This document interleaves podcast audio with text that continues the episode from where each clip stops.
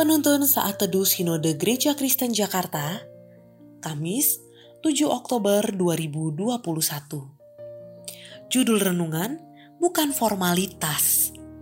Diambil dari Nas 2 Timotius 3 ayat 1 sampai 9. Keadaan manusia pada akhir zaman.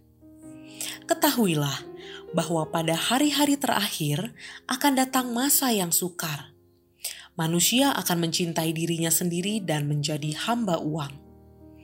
Mereka akan membual dan menyombongkan diri. Mereka akan menjadi pemfitnah.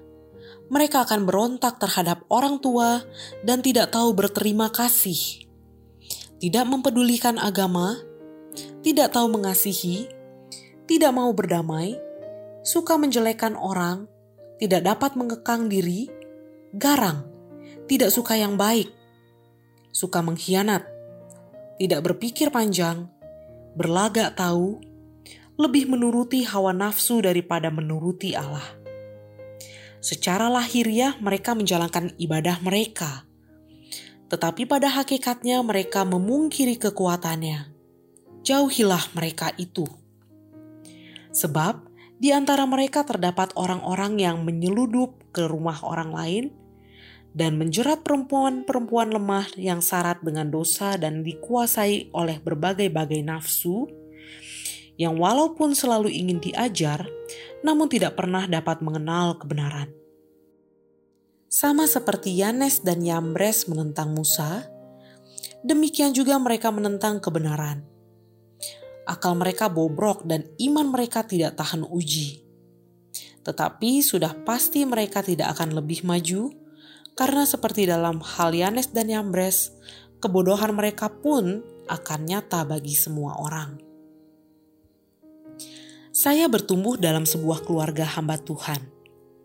Pengalaman masa kecil saya kurang menyenangkan terhadap gereja. Karena setiap hari Minggu, dari pagi sampai malam, saya harus berada di gereja karena mengikuti orang tua saya. Senang rasanya mengikuti sekolah minggu tetapi ketika sekolah minggu selesai, kegiatan saya hanya menunggu sampai jadwal ibadah terakhir selesai. Bukan hanya menunggu di luar ruangan ibadah, tetapi harus ikut masuk dalam kebaktian tersebut. Bagi saya, waktu itu, hari Minggu dengan semua kegiatannya hanya suatu formalitas yang membosankan dan melelahkan yang harus saya lewati.